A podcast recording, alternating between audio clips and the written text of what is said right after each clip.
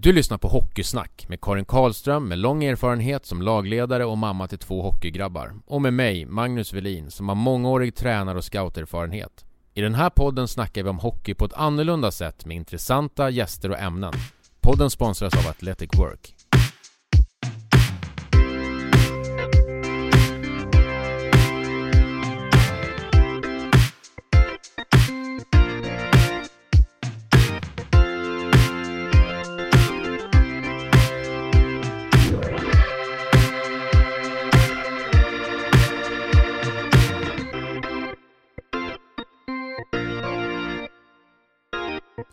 Fimpen, en DIF-ikon, han har spelat över 500 matcher i Djurgården.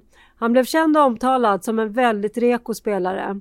Och på senare tid så gör han något som kallas för Fimpens Resa. Han skojar också väldigt friskt om föräldrarollen på sin Insta. Och det är det vi tänkte prata om här idag. Föräldraskapet. Hur kom du på den här idén att du skulle göra alla de här föräldrafarsa-scenarierna? Tyvärr, det ligger väl rätt nära. Alla som håller på med hockey eller har, har barn som spelar hockey vet nog att man kan få känslor ibland och eh, ja, vissa, vissa har man stött på som inte kan kontrollera de där känslorna. Det finns många man har stött på i, i grabbarnas uppväxt som är väldigt energiska och väldigt blandar sig i väldigt mycket i grabbarnas och tjejernas eh, hockey. Eh, jag är inte perfekt själv, men det är nära sanningen tror jag hos många. Det är det som har blivit kul. Så igenkänningen är det som är... Ja, igenkänningen är... Jag tror ingen vill, ingen vill vara så, men jag tror att innerst inne så har alla en liten hockeyfarsa i sig. I varje fall de som har barn som spelar hockey. Tyvärr. Tyvärr är det lite så. Ni, ni har ju själva jobbat mycket i TV-puck och med allt ni har gjort. Ni har nog sett ett par sådana också.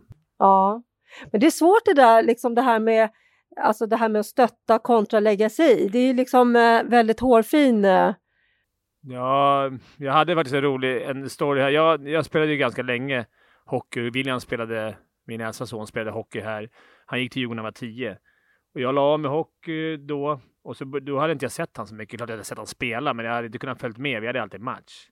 Eh, då var jag här på Myren där vi sitter och spelar in faktiskt och kollade en match när han var 11-12 år. Och, så man sitter uppe i fiket, alla som har varit vid Mälarhöjdens ishelvete, det är ett fint fik här uppe satt och kollade matchen och som en förälder satt han och åkte efter någon period, liksom kommer in och sitter jag och viftar så här, åk skridskor, vet, som, som man kan se föräldrar göra, vilket är jag hatar mig själv för att man gjorde det. Man satt så här, åk skridskor, kom igen nu liksom ungefär. Ja. Och han bara liksom kollade på mig och sen, ah, jag körde på, det blev ingen skillnad. Liksom. Och jag försökte säga, kom igen nu liksom. Peppa trodde jag. Och så dröjde ja, matchen tog slut och vi satt här uppe och väntade med alla föräldrarna. Och så bara kom han upp eh, efter, eh, efter matchen och ställer sig in inför alla så här. Står och viftar på mig en gång till så får du aldrig mer komma och kolla. Eh, inför alla föräldrar, vilket var rätt pinsamt för mig och då satt jag i bilen hem och tänkte så vad fan håller jag på med? Jag alltså, har kollat på min son och sitter och ser åt honom åka skridskor och kämpa och bara nej. Nej, sen dess, det var en eh, ögonöppnare för mig som jag behövde. Så det var kul, modigt av honom att sätta mig på plats. Ja, men, men eh, jag tänker på det här med när du själv då körde. Eh, hur gammal var du när du började? Ja, fem, kanske fem, sex år. Men, men det man kommer ihåg var ju från tio år. Jag gick till Djurgården när jag var tio också. Ja. Så jag kommer ihåg den tiden liksom. Att det var, farsan var inte så, på, farsan och morsan var inte på mig. De, de var väldigt peppiga bara. Körde och höll det ganska tyst. Så det, det var skönt för mig. Jag, jag, jag har märkt att man behöver bara höra positiva grejer. Alltså det går alltid att hitta grejer från matcher som är bra. Alltså, mm. De behöver inte höra att de är, vad de har gjort fel, för det får de höra från tränare och alla andra ändå. Och de vet själva. Mm. Vi kom fram till, så här, kom fram till tre frågor. Så här, har, du, har, du, har du gjort allt du, har du kämpat allt du kan? Ja. Har du haft roligt? Har du varit en bra lagkamrat? De tre. Kan du svara ja på dem så någonstans där vill man ligga. Sen förstår jag som förälder att det här, att ibland är det en viktig match i U12 så blir man ju lite exalterad och kanske sticker iväg med känslorna. Men var de där frågorna som dina föräldrar sa till dig? Eller är det som Nej, som det har jag, det har jag jobbat fram, fram själv med Micke Holmqvist. Vi satt, och, vi satt och diskuterade här någon kväll att man just efter de här man har varit, vad är det som är viktigt egentligen? Så där, för att de ska lyckas eller lyckas, att de ska tycka det är kul någonstans. Vad vill vi, vad vill vi uppnå? Att de inte ska sluta. Och då, så vad, kan vad kan vi som föräldrar påverka? Eller vad kan de själva påverka? Ja, de kan ju se till att de kämpar allt de kan. För det kan man kräva, att man ändå är här liksom försöker kämpa. Och att man är en bra lagkamrat, det är ju ganska enkelt att försöka vara det. Och sen har de haft kul. Och är det nej på någon av de här frågorna, då kan man ju säga varför, varför hade du inte kul? Eller varför kämpade du inte så mycket du kunde? Eller varför var du inte bra lagkamrater? Men de tre jana borde du kunna ha. Och inte hålla på och säga du är pressspelare, varför går du inte på F3 och F4? Alltså det är... Det, det, är lätt att säga det där, men, men, som förälder själv, liksom, alltså i stridens hetta och, och liksom ditt jädra tryck, så här, föräldragruppen, alltså det är lätt att, eller hur, att det bara drar iväg. Ja, speciellt det, på kupper och sånt, då är det, det ofta kanske lite lite malt inblandat också i, i, i föräldragruppen. Sitter på hotellrum, hotellen och snackar och det är min son är son. Ja, det är hemskt att det är så ibland. Att ja. de inte bara får lira. För det kommer, de kommer ju råka ut, jag vet ju ni som har jobbat, det kommer ju råka ut när de är 15 så kommer ju T-pucken och utslagning och hockeygym och det är, sen börjar allt det här. Så att, eh, alltså låt, det är, som, det är enklare sagt än gjort, men låt dem vara barn fram tills det i varje fall. För de kommer oundvikligen komma in i den här utslagningsprocessen, tyvärr. Men, men hur känner du liksom? Jag tänker så här, eh, för, för William, din grabb, han spelar i Djurgården och har ju, har ju spelat där sen han var, vad sa du? Tio. Tio. Jag tänker, eh, har, har, eh, tycker du att föräldrarna på något sätt har förhållit sig på ett annat sätt för att du är liksom en Djurgårds eh, ikon? Ja, eller liksom har en... Kanske att, det var att man har liksom fått någon form av respekt, att man, de tror att jag kan att jag kan mycket hockey för att jag lirat. Att jag vet hur det ska liksom, i varje fall i början, tills de förstod att inte jag visste ett dugg hur det var att vara hockeyförälder, precis som dem. Att man, eh, man fick liksom bara ta allt på uppstuds. Men, men eh, ja, lite respekt fick jag nog för att, att de lyssnade på mig. Och, och jag försökte använda det. Då, när jag kom hit så var ju Ölvestad och Jonas Jansson sportchefer Djurgården, så då kunde vi snacka ihop oss lite så här. Säg det här så kanske kan sprida sig i gruppen. Men, mm. men ja, jag tror inte jag har det nu. Jag är min mellangrabb Viktor spelar också i Djurgården. Det, där tror jag inte de bryr sig att jag är gammal spelare. Nej. Jag tror inte det i alla fall. Ja, det är intressant det där liksom med hur, hur, eh, ja, hur, hur andra ser, ser på just det här för att du har den erfarenheten och det bagaget sådär. William då, hur tror du att han skulle upp, hur upplever han dig? Hur tror du att han skulle beskriva dig som hockeyförälder? Jag tror, jag tror att han, eh, vi är ganska bra. Han vet att jag försöker hitta bra vi snackar inte så mycket hockey på väg. Vi, vi frågar lite som, det är nästan typ samma fråga. Vi brukar, han brukar skämta om de där frågorna. Har han haft kul? Du vet, han hånar mig för de där frågorna, men det han, jag brukar låta han komma till mig mera. Han kan fråga ibland bara, såg du det här? Såg du den situationen? Och speciellt om det går tufft, då kan jag försöka hitta små, så bra grejer som man såg. Fan, du vann teckningarna. Eller du var grym, det där, vilken bra situation du gjorde där. Istället för nu, han spelar, liksom, han är vuxen nu. Så att, han hör ju från sin tränare och sina lagkamrater vad han gör dåligt. Så jag tror att han eh, kommer beskriva mig som en väldigt positiv hockeyfarsa. Att jag bara försöker vara positiv. Sen är jag kanske lite hönsig. Skulle jag tippa att han är. Du vet, så här, ät, innan, ät innan träningen utan är 18 år. Han borde klara det själv. Ja, så här, Se till att jag äter frukost nu innan. så att, ja, jag tror att han skulle säga att jag är positiv men hönsig. Mm. Vill du veta? Ja. Då får du göra det. Ja, vad ni... eh, nej, men jag skulle säga att eh, han har varit... Från början så var han ganska... Han var ganska positiv från början. Eh, I början var det ju... Jag gick på is första gången jag var i Augsburg när han spelade där. Eh, så att då är det bara att åka och hålla i och åka efter den där pingvinen. Så att, eh, då var han, ja, han var ganska positiv, gillade att jag höll på med, med det jag gjorde. Att, jag tyckte också det var jättecoolt att hålla på med det han gjorde. Så att eh, redan därifrån så tycker jag att han var, eh, hjälpte mig mycket, precis som min mamma. Båda hjälpte mig jättemycket. Eh, och varit med mig ända från eh, när jag spelade i Trångsund tills jag var 12 eller 11 år. Eh, hjälpt mig där väldigt mycket. Jag var inte jättebra då kan man säga. Jag var ganska stappade runt då också så att jag fick mycket hjälp där med ja, mycket så här, det var inte alltså, jättemycket hockeysnack egentligen. Det var mycket bara så här, utanför. Det kunde vara så här skola, hur jag varit dagen vart, sådana där grejer. Så det behöver inte alltid vara hockey. Eh, och sen idag, hur jag ska se han idag? Eh, jo men det är väl bollplank, ska jag säga. Eh, aldrig så här att man är på och försöker så här, eh, ja, så här du skulle gjort så här, du skulle gjort så här. Liksom så här han, han, är mer, han, är, han vet ju hur det är att vara i den här situationen själv. Så han, jag tror han är mer förstående. Eh, och visar kanske alltså, inte allt för mycket hockey egentligen, där heller. Vi försöker hålla det ganska, om man till annat. Liksom. Eh, det blir ändå ganska mycket hockey i, i vanliga fall. Så att, eh, nej men om det skulle vara någonting så vet jag att han alltid komma på min sida liksom. Eh, och vara positiv på det sättet. Eh, sen, ja man har ju haft liksom tung, tunga perioder eh, genom åren. Eh, jag kommer ihåg U17 när jag inte kom med i, eh, i vad heter det, U17-VM där. Det var ju tungt såklart, eh, känner jag. Eh, jag var, ju, jag var ledsen efter för det, men eh, jag kommer ihåg, han sa till mig att jag bara skulle visa dem liksom, att de hade fel. Och det var ju liksom...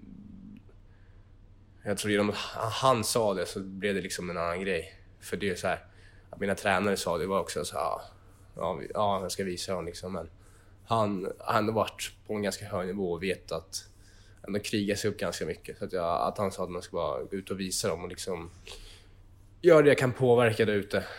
Jag, jag, just då hade jag en period där jag fokuserade lite för mycket uppåt. Att jag ville uppåt i 20 och upp sådär. Och han försökte hela tiden lugna ner mig och tänka på liksom... Ja, vart jag är någonstans. Inte alltid för mycket. Vad man, vad man ska och sådana grejer. Så att, ah, det tycker jag är bra. Man, han är ganska lugnande. Han är inte för liksom, stressig, utan han är ganska lugnande. Ja, det var ju fina ord. Ja, verkligen. verkligen. Han målade en väldigt fin bild. Det, det kanske målade lite extra fint när ni frågade. men eh, ja, men det känns skönt. Det var ungefär så jag hade tänkt att, det, att jag är. Sen är att jag inte snackar så mycket hockey, det är för att han är bättre än mig. Alltså vad ska jag säga till han? Alltså nu. Men, men det är ändå kul, han tar upp det här med, han säger ju ganska positiv från början. det, eh, men men eh, det är ju ändå genomgående från att han har varit liten så säger han ju att, att du, eh, ja, förstående och bollplank och alltså det är ju Ja, jag, jag, jag hoppas Andra det... saker än bara hockeyn tänker jag. Ja, vi snackar, jag försöker snacka rätt mycket. Jag vet att man jag, vet, jag försökte tänka själv vad jag behövde höra efter matcher. Jag orkade inte liksom ringa hem. Jag ringde min farsa efter varenda match tills jag var 37, Sen alltså jag la av. Eller 35 eller vad. Snacka. Det var ju liksom, jag, man orkar ju inte höra så här, ah, fan gick det inte till hörnan? Det, det, det, jag vet, det jag ville höra var ju någonting jag hade gjort bra. För när, när det går bra, då vill man ju höra allting. Det är när det går dåligt sen, då vill man snacka om annat. Eller så här, fan du körde på bra, eller du tekade bra, eller du... Och det, det tror jag har vi har kunnat bolla ner. Nu har jag kört här mycket, så det, man får ju rätt mycket tid i bilen. vet man ju som, mm. Du vet ju själv, jag är hockeyförälder, man sitter i bilen kanske en halvtimme efter match. Ja. Då måste man ju, det är svårt att bara undvika matchen. Ja, hur gick det idag då? Ja, det, och det är ju en stor del av deras mm. eh, liksom. Och det är typ den tiden man får med dem, för de sitter ju bara på rummen och håller på med med sina telefoner och spelar tv-spel. Så den här biltiden man får, den är värd mycket. Jag tycker det är fint också. Han, eh, han lyfter också mamman. Ja, eh, det gör han ofta. Att, det gör han. Och det är, hon har också varit grym. Ja. I, för båda grabbarna. De, de är liksom, hon är lite mer... Ja, hockeyn blir ju min grej automatiskt. Mm. Och de, men eh, jag kan tänka mig att vissa grejer kan det vara skönt att få från morsan också. Slippa. Eftersom jag har varit där liksom, och spelat. Men det finns ju grejer man har spelat på den nivån. Och jag vet ju grejer hur det känns att vara i vissa situationer. Och han spelar med några spelare som jag har spelat med. Så det är inte så jättelänge sedan. Så då kan det vara skönt att ha ett bollplank som mig som vet, som har spelat. Och mm. Speciellt när han skulle debutera. Så här, hur fan, vad ska jag tänka på? Sådana grejer kom frågan han då, för då var jag nervös. Mm. Och då kunde jag komma lugnande. Fan, så länge du kämpar så kommer alla liksom... Du kommer komma undan med Du är ung, du behöver bara kämpa. Ger du allt där ute så kommer folk se det. Mm. Mer än så är det ju inte. Alltså, vet man själv om man kollar på hockey, om det är landslag eller om det är om det är på klubbnivå eller om det är barn. Det är någon som bara kämpar. Det är det som man lägger märke till, som kör. Och, och när jag har varit ungdomstränare så vet jag också, de som kör och tränar på, vill bli bra. Det är de som ofta blir bra och det är de som är roliga att träna. Som är liksom lyhörda och vill bli bättre. Ja, det här med inställning, det är väl det som är kanske avgörande många gånger. Kan det vara så? Ja, jag tycker det är allt. Alltså, det, det är många som har varit både scout för Djurgården och, och talangscout. Och fan, du, det är liksom det här grittet. Det är väl det som är det viktigaste. Det talang är ju att orka träna. Exakt. Och då när vi kommer till grittet så är ju det det här jävlar anammat att inte ge upp. Och där är det ju många tänka som många åker på en räkmacka ganska länge och, mm. möter inte motgångar förrän ganska sent och ju, ju, ju, enklare det har gått och ju senare den här första motgången kommer, för den kommer ju att komma. Ja. Och då är det jäkligt stor risk att man kör stenhårt in i väggen och att det tar hårt på en. Och i värsta fall kanske till och med slutar. Uh, och det tycker jag är det mest intressanta nästan, är det som, som William lyfter upp, att han hade ju faktiskt en jäkligt tuff höst för, för två år sedan och det tror jag inte att det är så många som vet om, om vi, förutom de som kanske rör sig i, i vår krets runt Djurgården och sådär. Men för han hade det ju, när han inte kom med i U17-VM som han sa, och hade det faktiskt tungt i J18 också. Ja. Uh, och det var ju hans, även om det åldersmässigt var hans först, an, första J18-år, så ja. var det ju hans andra J18-år. Det han skulle gå bra liksom. Exakt. vad är det här nu? Varför? Precis, varför går det emot och sådär. Och det är, jag tror att det är otroligt bra för honom att han har haft absolut. den motgången och att han har jobbat sig igenom den. Och där beskriver han lite grann hur, hur du var då. Känner du igen i det? Eller hur tänkte ni som Egentligen så blev jag också liksom. lite stressad. Alltså in, man blir ju det inombords, det barn, men, men eh, jag försökte mot han hela tiden vara lugn. Det var faktiskt, det måste säga, Micke Holmqvist, eller Djurgården överlag. Nu blir det mycket Djurgården eftersom jag är i Djurgården. Men han fick ju hjälp av organisationen i Djurgården, i, i, med Tobbe och alla ni som jobbade runt Djurgården och även Micke Holmqvist som bor granne med mig som är tränare i Djurgården. Det här lugnet, för som han, han sa det fint, han koncentrerar sig för mycket på bara som jag tror många gör. Han ska bara upp, upp, upp, upp. nästa steg, nästa steg. Det är det här tv-spelets... Han ska bara fram, utan gör klart J18 innan du... Och där, där, där låg hans stress och där tror jag att jag kunde lugna honom med hjälp av många från Djurgården. Och sen... Ja, nej, det var, det var ett, han tyckte det var tufft. Han tyckte det var tråkigt med hockey lite då. Så det var bra för honom. Jag, jag, tänker på det här, för, för du känner ju många då liksom som är i eh, Djurgårdsorganisationen. Jag tänker många föräldrar har ju inte sådana kontakter eller eh, kanske inte ens kan så mycket hockey. Eh, men, men om, om, man tänker på det, det du säger och det William säger så låter det ändå som att eh, det är inte det som är det viktiga utan det viktiga är ju att man har den här balansen liksom och eh, ser grabben för, för den grabben han är. Alltså inte som en hockeyspelare. Alltså att man har det och sen är man det här, som han själv säger, ett förstående bollplank.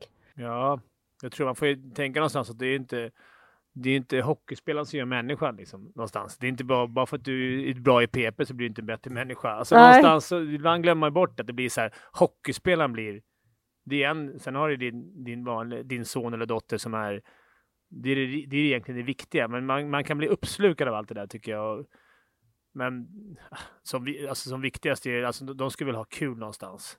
Alltså det är därför de håller på. Och har de kul och inte stressar så kommer de, de som orkar köra på kommer nå så högt de kan. Sen kommer inte alla bli NHL-proffs, men, men jag tror att det är viktigt att ha kul. Jag brukar, vi brukar snacka gamla spelare som har spelat. Vad, när hade jag som roligast med hockeyn? det var ju typ ungdomsåren och eh, junioråren när man åkte på kupper, käkade godis fast man inte fick och drack Fanta. Och liksom man sprang runt och ja, men J20 matcher, dubbel borta, Skellefteå, Luleå. Liksom man åkte med hela ligan. Det var, ro, det var nästan roligare än att spela SHL.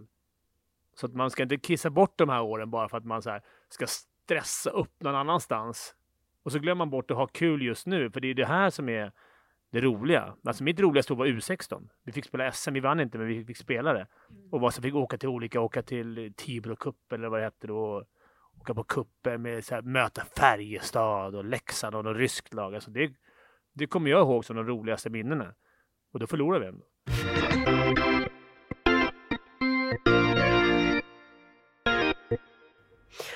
Men jag, jag, tänker på det här, du, du säger det här med eh, att att du själv blev lite stressad. Och det där tror jag många föräldrar känner igen sig i. Alltså det kan ju jag själv känna som, som hockeyförälder. Att, man, att den där stressen kommer smygande. Just det här som, som William själv säger, liksom han, liksom stressen över att komma upp i systemet. Sådär.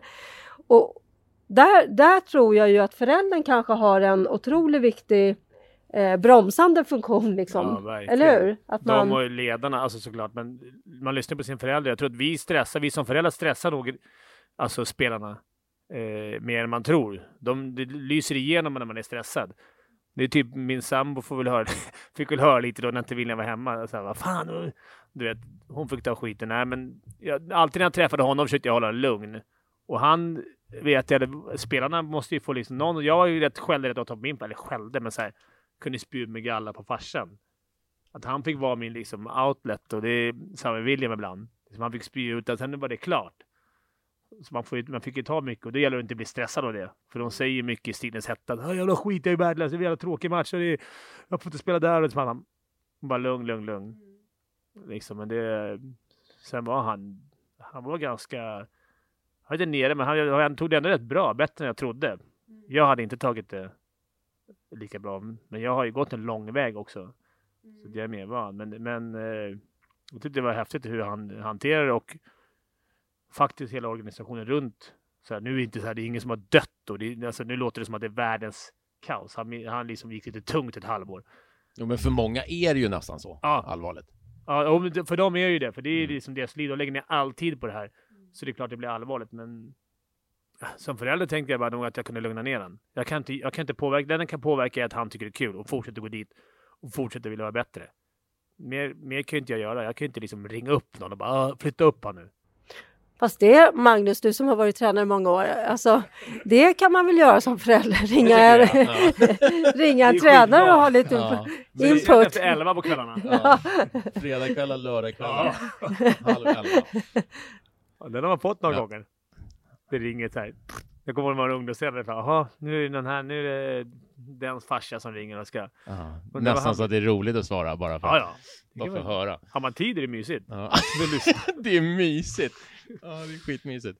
Ja, nej, det är fascinerande hur föräldrar ändå känner att nu hjälper jag min grabb eller dotter Ja, det, på det här sättet. Det tycker jag är fascinerande. Och det kommer jag aldrig förstå. Uh, riktigt, så är det. Nej, där tror jag att man kan ha, där kan jag ha, om är någon fördel att jag har spelat. Det är nog, eh, där är nog fördelen att jag har spelat, att jag vet att det är, att någonstans ha den känslan att okej, det här kommer inte gagna mig att ringa. Eller det kan jag känna att många föräldrar som kanske aldrig på med hockey, som, inte, som vill sin, sina barn väl, som tror att det här är ett bra sätt att ringa till ungdomsansvarig eller ringa till tränare eller gå ner och liksom, man får ju hoppas att de tränare som är anställda av föreningen är liksom är där för allas skull. Det måste man ju, om jag väljer att åka till och gå till en förening så hoppa, får man ju, då har jag ju valt att den tränaren får ta hand om det. Då måste man ju låta han göra det. Och där, den gränsen tror jag är jäkligt svår för många att se. Vart, vad är okej? Ja, och, och jag, jag tänker så här, om, om man har liksom en, en öppenhet så här från organisationen mot föräldrar, om, om man samlar föräldrar lite då och nu, alltså inte jätteofta kanske, men regelbundet och berättar så här tänker vi nu och det här kommer hända och vi har den här tanken. Eh, Jag vet inte, men, men eh, då kanske också Ja. eh, Ja, är de tydliga? Precis, Det kan jag sakna ja. ibland på föreningar i i allmänhet. Att de är inte tydliga. Att man vill, de vill vinna matcher, men samtidigt vill det är samma med föräldrar. Så här, vi ska vinna alla kupper, men alla ska spela. Och så vet man så här, men det, det kommer inte gå. Så är det, för det är, det är ett dragspel, ett lag. Några är kanske där, några kanske går på scout och de kommer en, två träningar i veckan. De måste också få köra hockey. Medan några kör sex gånger i veckan och kör camper och är helt tokiga i hockey. De kommer ju vara bättre. Visst, Idag kan- i alla fall. Ja, idag ja. Ja. Det vet man ju inte på längre sikt. Och vill jag vinna match när de är 11 år, eller vinna en cup, ja, men då, då tar jag med mina 10 bästa och åker bort till en cup och vinner den. Men då, har jag, då, då tappar de andra. Men det är så kul med förväntningar från föräldrar att så här, vi ska vinna allt, men alla ska spela. Och det ska vara lika för alla. Så man får ju nästan välja där. Ska det vara lika Ja. för alla, då kan man inte kräva att det ska vinnas. Nej, precis. Det, det blir ju andra ingångsvärden, helt klart. Men, men eh, jag, tänker på, på, jag tänker på det här när, eh, eh, när du får, när du får eh, eh, frågan från andra föräldrar. Eh, jag kan tänka mig att det kanske blir mm, olika då. Jag tänker nu har ju William banat väg lite grann kanske sådär för Jonte. Ja. För Viktor. Nej, för Viktor. Du tänker Jonte. Här. Jonte kan vi säga är fiktiv. Ja, det är alltså ingen riktig person. Men alla, du är inte första. Det är många som tror att Jonte, att Viktor har fått heta Jonte. Ja, men jag tänker, jag, du har ju så många barn så jag tänkte... eh, nej, men, men eh, det här med... Jag menar, William har ju, har ju, har ju eh, kommit så långt nu. Och du också, för det, ju- det blir ju på ett annat sätt när man har gjort sin föräldraroll också, en resa. Om man ser det som en resa så har ju du gjort den resan. Eh, Ja, med honom en gång. Ja, precis. Eh, och kan ju kanske vara så kan jag känna för egen del. Med, med första så, ja, det är skillnad på när man har, har en förståelse för vad som kommer hända och vilka reaktioner och man vet liksom så här, det där betyder inte att det är självklart upp i ett sådant system eller. Jag tycker det är, på vissa tycker jag det är så att man lär sig, som jag känner mig, att man känner sig tryggare andra och att det inte är helt, det är inte lika viktigt. Men många andra man träffar tycker jag är nästan tvärtom. Att så här, åh, jag har haft två, jag har haft två grabbar som la av när de var, när de var liksom 13 år, så nu ska jag drilla ännu mer på det här stackars Tibionte som kommer upp och så det liksom blir ännu värre. Då tänker man så här, har inte lärt sig någonting? Det är, det är samma sak, men ja, jag vet inte hur den perfekta hockeyfilmen, man måste ändå ha det här lilla, lite driv måste man ju, man måste ju få dem att vilja. Ja, jag håller med.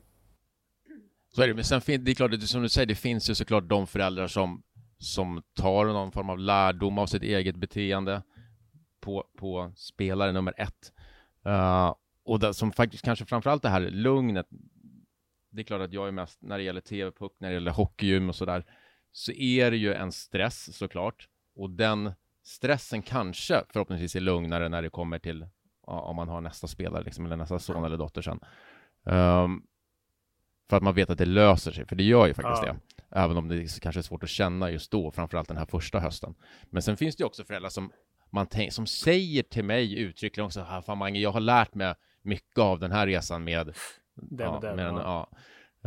Um, som har drillat hårt och jagat så här, jag ska byta klubb hit och dit och jag ska spela ja, med dem och där och hit och dit och positionera sig och ja, det har varit ett jäkla drillande helt enkelt.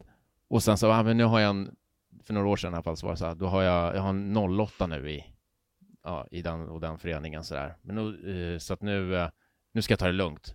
Men så här, om jag byter dit, då får han spela med 06 och så, du sa ju nyss att du hade lärt dig. Och sen så är det ändå du ska byta till någon förening där du får spela med 06 för att...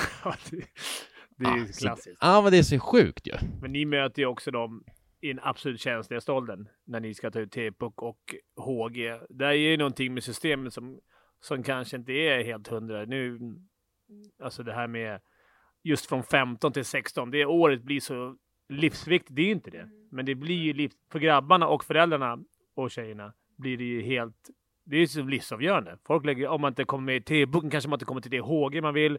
Kanske man, ja då kan man lika bra lägga ner. Vilket är så här, det stämmer ju inte, men man hade ju kunnat, jag vet inte, det hade varit bra om man kunde komma på något sätt där det blev liksom, kanske kunde man lägga T-pucken senare så att HG-uttagningen var redan klar.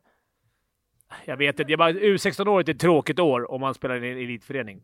Eller tråkigt, det är skitkul, men det kan bli jäkla lite skum föräldragrupp. För det... vissa kommer in och vissa kommer inte in och grabbarna ja. brukar klara det bra i och för sig. Jag tänker så här, i grunden är ju U16-året ett sjukt roligt år. Kanske ja, bland ja. de roligaste åren. Absolut. Om man ser till de positiva grejerna. Men det är också ett otroligt jobbigt år. Och som du säger, både för spelare och för föräldrar är det, för det händer så mycket. Som är viktigt då, ja, som, som egentligen inte är avgörande sen. Men Nej. grabbarna verkar, och tjejerna Exakt. verkar klara det rätt jag, bra, men det är föräldrarna som är... Jag tror att det är värre för föräldrar faktiskt. Uh, det är sjukt ändå att det är så. Ja, det är faktiskt sjukt. Men jag tänker också så här, föräldrar, och återkommer till det här vad man lär sig och att, att man som föräldrar hjälper varandra också. Är det aldrig någon som, så här, om du har gjort en resa med, med, med ett barn och sen så kommer jag som orolig förälder när du har ditt barn två, liksom med, min, med mitt barn. Är det inte så att man pratar med varandra som föräldrar, så fan Fimpen, jag är så jävla stressad över det här. Ja, det har faktiskt hänt. Ja, det händer. Ja, fråga. Det är bra. Och det, ja, det känns faktiskt bra. Och det, men det, det har ju varit med William, att du har ju lirat. Hur, och det är liksom inte, bara för att jag spelar vet inte jag hur perfekta rollen att agera Nej, som förälder. Jag, det skulle vara nu då, då i Viktors ålder, att alltså hur gjorde ni? Och det, men det det är så individ. Alltså man vill ju säga så här, jag var inte heller svinlugn, men det bästa är ju faktiskt bara att vara lugn. Att det kommer lösa sig, att man hamnar någonstans Får du, får du spelarna och tycker det är kul att köra så kommer de till slut, vill jag tro, hamna där de hör hemma. Och sen hur vägarna går. Min väg gick genom alla skogar i hela Sverige tills jag kom till SHL i, när jag var 23-24. Vilket var en normal väg egentligen, men den var ju krånglig för mig. Liksom fyra, fem olika klubbar runt om i Sverige. Mm. Division 1 och inte kom med i någonting och inget T-puck. Medan andra hade bara rakat spåret upp. Så jag, jag vill tro att om man orkar köra och träna och tycker att det är kul så kommer man hamna på sin nivå. Den Oavsett om man kommer in på HG eller TV-pucken eller Och sen kanske din nivå är att du är division 1. Exakt. Det är väl inte hela världen. Alltså, men alla kan ju inte bli NHL. Då har det blivit rätt många lag i NHL.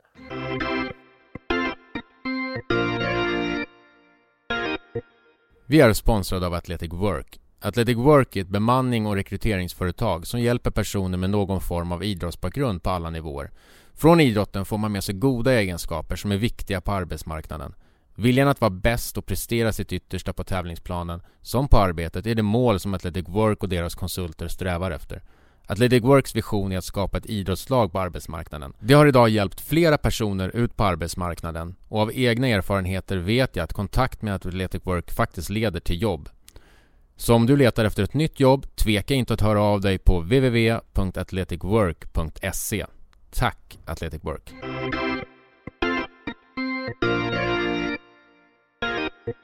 Men hörni, jag, jag tänker på det här också med, med, med eh, Alltså om man som förälder eh, liksom vill eh, förstärka eh, sitt barn i, i matte till exempel, då är det, då är det så här, inte jättekonstigt att man tar in en extra resurs, eh, kanske betalar för den här resursen och så får man en, en eh, stöttning i matte eller i läxhjälp eller sådär. Eh, men i, i, idrott eller i hockeyn så här, då kan det bli lite så här, om du skulle säga så här, William, nu ska vi, vi ska köra lite extra här vi, ehm, eh, jag har tagit in en kille som kan lära dig åka lite mer skridskor eller då skulle det bli så här, oj Fimpen vad, alltså du är väldigt tävlingsinriktad och är ni med liksom hur jag tänker? Ja, då blir det kanske lite så här med, fult. Jag, det är inte jag, fel att vilja vara bäst Nej, jag tycker, inte, jag tycker inte det är fel heller. Sen ska ju barnen tycka det är kul. Och sen har du ett ansvar som, som förälder. Du kan inte köra hockey en hel sommar. Det är 12 camper. Däremot tycker inte jag att det är fel och så här. Jag är ledig, vad ska de göra annars? Sitta hemma och dricka Fanta och spela tv-spel. Om de tycker att det är kul, så har jag gjort med mina i alla fall, att vill, de, vad vill du köra camp med den och den? Om ni är lediga från laget, för laget går alltid först såklart, vilket det är. Men så, ja, det vill jag göra. Bra, då, då, då får du åka på det. Jag kommer aldrig tvinga dem, men, men eh, vill de göra det så jag, jag kan inte se att det är fel. Eh, jag vet att det är vissa klubbar som har gnällt på det. Jag, jag kan inte förstå hur man... Det gör ju laget bättre också om en spelare blir bättre. Så att där håller jag med dig. Att det, det, kan, det kan uppfattas lite fult ibland. Mm. För att det är pengar involverat och det är så här, alla kanske inte har samma råd i samma utsträckning att få, få privatlärare och så att eh, ja, men jag, jag tycker ändå, vill de, om man har möjlighet så så gjorde jag i alla fall, rätt eller fel, mm, jag vet inte. Nej. Men så länge det inte tar på lusten och orken såklart, Exakt. så kanske, som du säger, om man ja men vi har en ledig dag, ska jag vara ledig eller, eller ska du vara ledig eller ska du åka på den här campen? Ja, klarar av att göra på den här, vara på den här campen men ändå kunna vara på lagets träningar nästa vecka och inte behöva ta någon ledig dag för att ja, men jag var ju trött för jag körde ja, dubbla pass i helgen. Det, Då är det ju en den... annan femma och sen ska du ju hålla i längden såklart också. Och det är väl det absolut viktigaste. Nej, det är jättesvårt. Det är, jag tänker mig att det kanske är på om det är sportlov eller om det är på sommaren man åker under, under när det är 14, 15, 16 och spelar i ett ja, U15 U16-lag, då, då finns det nästan ingen tid till att åka på en camp. Förutom på sommaren och kanske på något lov, max. Men de, de tränar så hårt så då tränar man nästan ner sig bara, eh, tror jag. Men när de var lite mindre så här, och på sommarlov och så, om man inte har... För nu finns ju hallar öppna. Och så här, jag vill gå på camp, ofta för dem, i varje fall har jag uppfattat på William och Viktor i alla fall, att de tycker nästan den här campen är roliga för att ja, det är roligt att köra hockey, men det är mycket så här, sova borta och hänga med grabbar, springa som jag sa, bada, mm, lite kollo. Mm. Men, men det är lite det jag tänker också som att jag tror att som för grabbarna är det just det, samma sak med så här select-grejer, att åka iväg. Vinningen, som jag ser det, det är ju att man får, att man får träffa de här andra grabbarna som man annars inte träffar och åka iväg på, det är som att vara på ett kollo i stort ja. sett fast man gör någonting som man tycker är jäkligt kul också samtidigt. Det som där det blir farligt, för mig är när det, är, när det är föräldrar och spelare i, i, i slutändan också som tror att det är ett måste för att jag ska nå dit jag vill. Och då blir det fel tycker jag. Så kände jag faktiskt lite mer selekten med William. Jag hade ju kanske där, det var, han fick åka på någon sån här selekt och det var skitkul turnering som Italien och så här. Men jag höll emot det. Jag sa till mig själv att aldrig han ska få åka på det. Men till slut börjar alla åka och, och så står man där själv. Så här. Jag hade önskat att man kunde stå på sig. För jag tror inte det hade varit någon skillnad för Williams hockeyutveckling. Jag hade sådana där. Jag, en sak med de här äh, med camper och sånt, för det tycker jag, det är ju träning. man åker iväg på sådana här turneringar där de ska ta ut de bästa. Ett landslag som inte är ett landslag. Alltså de åker med liksom, där de bästa. Sen absolut, vi åker till, vi åker till Kanada varje, varje sommar på en stor hockeyskola som är en turnering. Men där är ju liksom Kalle Kula som kör hockey två gånger i veckan i samma lag som någon som spelar i Djurgårdens J20. Alltså där Alltså alla får med och det är inget utslag och det är inget alla spelar och det är bara... Nej, det är sommarturnering. Det är en otrolig skillnad ju. Och då finns det så här, det finns väl olika typer av sån verksamhet där som föräldrar då ser som så här, här är det viktigt att vara med för att, för att visa att jag kommer med i det här gänget. Eller någon, någon annan variant kanske där det är mera så här... Uh, hur mycket då, kollar du på det liksom? Ja, men det är inte någonting. Och det är ju det föräldrar tror, att så här, ja, men han var med i det här och det här och här. Och eller så här, ja, så här många poäng i lilla Resport. Jag bryr mig inte överhuvudtaget. Jag kollar inte på någonting som har med, med det att göra liksom. Någon liten någon poängliga från, för 11-åringar eller någon selektverksamhet eller något. Det finns ju massor av spelare som inte är intresserade av att vara med. Men mm. jättekul för de som är där såklart, om man tar det på rätt sätt och om man är där av rätt anledning. Men jag tänker så att du som, som scout, det är ju knappt att du ens kollar på poängen liksom. Det man kanske ska förstå är. Det är klart att man följer, ja, men det är ju inte avgörande här, i Du ska fall. kolla på en kille som ska vara bra om... Egentligen så vill du att han ska vara bra. Han ska, han, du ska kunna leverera en spelare till, i det här fallet, liksom, något A-lag om fyra år. Exakt. Eller fem. Eller ännu senare. Så det är ju svårt att säga. Det är klart att den, det kan ja, faktiskt ibland ännu senare. Ja. För man tänker så här, kommer säkert inte vara där efter junioråren. Men det finns fortfarande en potential som jag mm. kanske kan ut som du fick göra själv, så här, i division 1 eller allsvenskan och sen så komma tillbaks för att man tror att den potentialen finns i slutändan. Och då är det helt ointressant hur många poäng man gjorde i någon turnering som 12-åring eller om man spelar i något, i något select-gäng här och där. Det, det tror jag folk, det, det är nog folk svårt att fatta. Och sen är ja, det, det svårt det också för er och välja, liksom, det är 15-åringar vi väljer på, gör man inte det? Man ska ta ja, gymnasium. Det det. Och veta hur bra är, hur bra kommer den här killen vara om fem år? Alltså det är nästan omöjligt. Det finns ju mycket, men det, det man kan visa i alla fall som är, som är svårt att välja bort, det är det som jag sa, det är det här gritten, att man orkar köra. Det är på träningarna. Du frågar deras tränare, så ah, du Kalle Kula, hur är han? Bara, han kör som en jävla galning i gymmet. Han krigar, han vill bli bättre. Ja, han, har han större chans än än den andra killen som åker runt. Han kommer på varannan träning. Man är grym på matcher. Han gjorde 12 mål mot Tumba här i mm. senaste mm. matchen. Alltså det är klart att det, det kan aldrig vara dåligt att vara en sån lugn, alltså lyhörd och kille som kör. Men det, det är det bästa man kan göra för sig själv, mm. tror jag. Men hörni, jag tänker på det här vi pratade om innan, det här med det här med att vara, vara stötta eller vara coachande och, och inlyssnande och sådär. Men, men Alltså den där gränsen är ju väldigt hårfin, det här med att, som förälder då vara lite pushig för, för att hela tiden få välja den enkla vägen, som, alltså att man som förälder, för jag tänker att de här, de här, man behöver ju inte nödvändigtvis fortsätta med hockeyn och då är det ganska bra att man har fått lite så här eh, hemifrån. Liksom, nu tar vi lite grann här, alltså det gäller ju hela yrkeslivet. Det, det, är ju sällan saker bara studsar rätt liksom. Det är ju en gräns det där. Jo, men då, där kommer vi också in på det som, som vi kallar för grit, att, att inte ge upp när det går tungt. Och då har ju föräldrarna också en jätteviktig del, mm. att inte fly.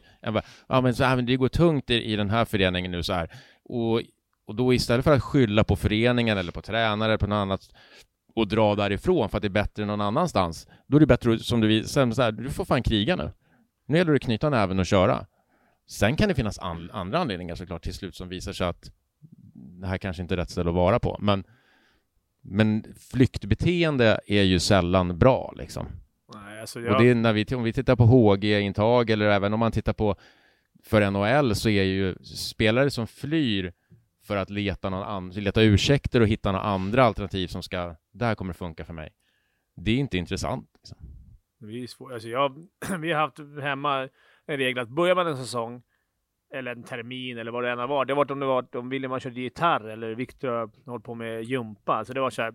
Om vi, om vi signar upp oss på en säsong eller en termin, då tycker jag då, kör, då slutför man det. Och det, även om du tycker att det är roligare att vara hemma och kolla på spela Playstation. Nej, men nu på torsdag så är det gitarr. Då vill signa upp det på det. Då gör man det. Och i lagsport så, så här. Absolut, du får sluta med fotboll som det var nu i det här fallet. Men det får du göra efter säsongen. Mm. Du, kan inte, du kan inte gå mitt i säsongen och bara, nej nu tycker inte jag var så kul. Nu har du signat upp det för en halv eller en termin, då kör man terminen ut och då får, då får man pusha ibland. Mm, ja, jag håller med. Dit? Jo, men du ska dit. Mm. Om inte du är sjuk liksom och kör. Nu har du signat upp det för det. Sen kommer jag aldrig tvinga någon att spela. Men och har man signat upp sig någonstans, det tror jag, men det är samma med skolorna. Ja, det är ju moral Ja, liksom. det är precis vanlig arbetsmoral. Mm. Sen tror jag, som Mange sa, jag tror inte många som förstår heller att man kan ska, eller skada, men skada en förälder som är, har ett skadat rykte i speciellt den här lilla ankdammen som hockey som går runt och tycker och tänker, snackar skit och, och flyttar barn och, och ringer upp folk.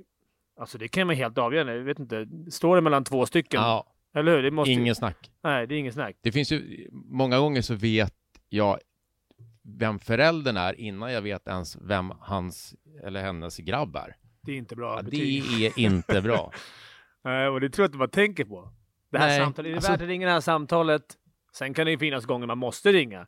För att det, men då är det ofta liksom, då är det andra grejer än själva speltid och Sen är ju inte alla tränare och sånt perfekta heller, men Nej, inte. och, och det var ju lite det vi pratade om. Alltså skulle man kunna ha kanske lite mer öppenhet så här från organisationen?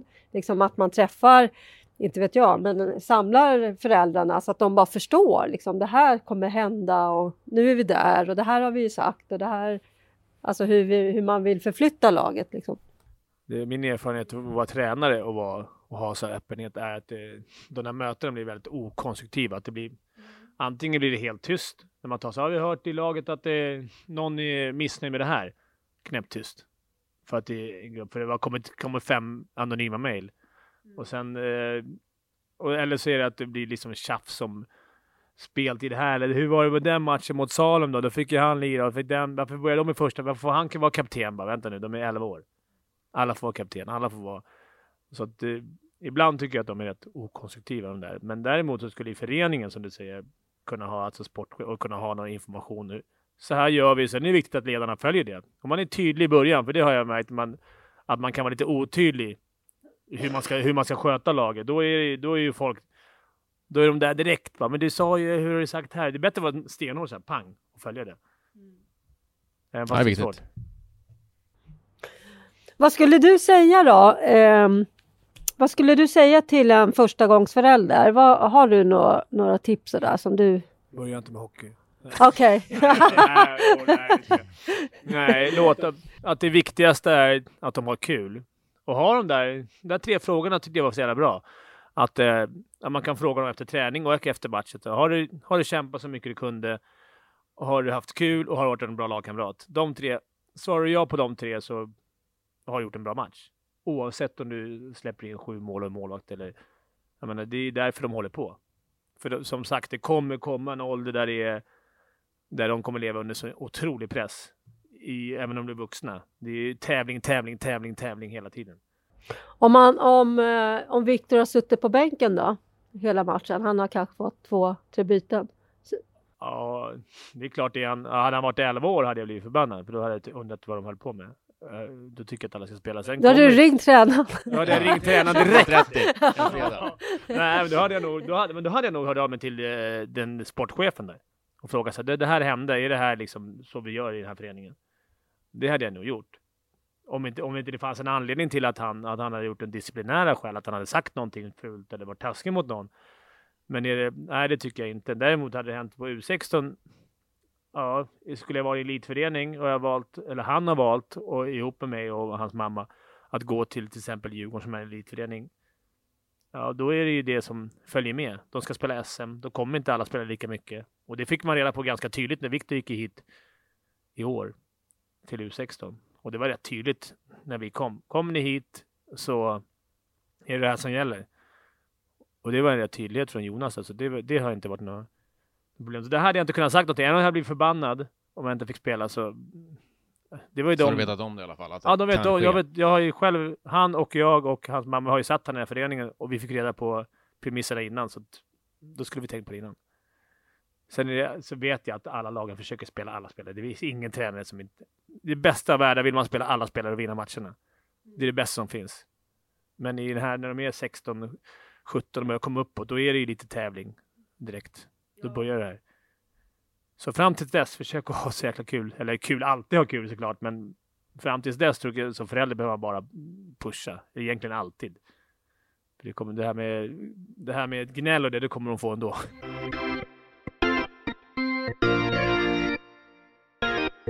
En annan fråga som, jag bara, eh, som bara slog mig. Du behöver inte svara om du inte vill. Eh, men, men jag tänker så här det här med, med föräldragruppen och eh, eftersom du, du har spelat och har ju långt över mer kunskap om hockey än, än många andra föräldrar. Man kan, det, Man kan tro det. andra kan ju tänka så ja, ja. Men, men hur skulle du, skulle du våga liksom så gå in i en sån grupp om du hör att så här, det här börjar ju skena, det här, det här eh, kan inte sluta bra. Skulle du våga gå in och säga så här, hörni, eh, tagga ner eller liksom ta plats där och, och stämma ja, av? Och... Det tror jag gjort något, alltså på föräldramöten och sånt. Sen är inte jag sån som person som går in och slår in. Utan jag skulle liksom lirkat in, eller men på föräldramöten har jag sagt som jag tycker. Det har, då har de ofta lyssnat. Om man hör att det blir massa gnäll i onödan och har försökt komma med bra. Även på i en föräldragrupp, man sitter och käkar, man hör att snacket börjar komma in på det. Då försöker man liksom lirka sig in. För jag tror inte det här bara slår ner även i bordet, bara ni har fel, utan man kan försöka, ja men tänk så här, tänk så. Mm. Uh, för det är, det är svårt att övertyga några som, som är helt säkra på sin sak. Mm. Så att, nej, men jag skulle nog våga säga till. Sen ibland går jag går inte att leta liksom strider här i korridoren. Bara, Vad sa du? Vad sa du? Alltså, är, jag är långt ifrån perfekt själv. Så jag har inte något mandat att bara komma och säga så här. Du, så där får du inte tycka. Utan jag har inte alls varit en perfekt hockeyförälder själv. Så, men man lär sig. Man försöker göra så gott man kan. Och, mm.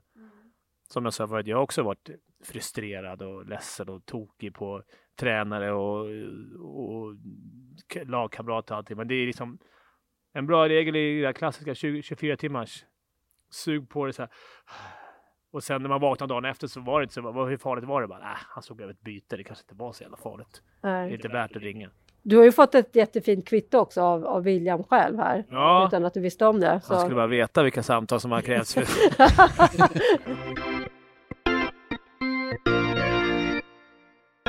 Fimpen, vi börjar ju närma oss eh, slutet nu på den här podden. Eh, men nu har ju du förstått lite kanske så av formatet här, som, alltså vi bara samtalar ju.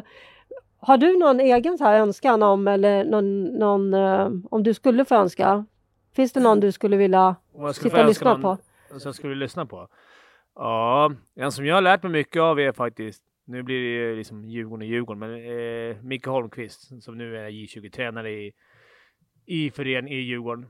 Han har, han har fått höra rätt mycket gnäll från mig när jag har, han har varit lite outlet för mig när jag har tyckt det varit orättvist och han är väldigt det här lugnande och, och själv liksom gått högt i första rundan i draften, spelat i NHL och vad är det han skulle prata om då? Bara så... Nej, men jag tror att nu har han sett, han är själv förälder till barn och han är, han är på andra sidan.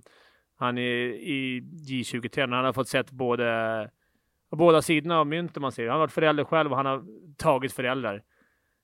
Så att jag tror att han, det skulle vara ganska intressant att höra han, hur de jobbar med J18, stressen där J18, J20. I hans roll som tränare? Eller? Ja, i hans roll som tränare och hur han tar det med grabbarna som är stressade. För han möter ju grabbar dagligen som är stressade. Ska upp och ska ner och ska upp till A-laget, ska ner. Och även mot föräldrar. Hur, hur han hanterar den stressen. Det, det skulle vara kul att höra. Mm. Jag har hört mycket som jag snackar, vi bor ju rätt nära varandra, men, men jag tror att folk i allmänhet skulle tycka det var rätt häftigt att se hur man jobbar till och med på J18 och J20. Men då tackar vi dig Fimpen för att du kom hit idag. Stort tack! Ja, tack själva. Det var kul att vara med.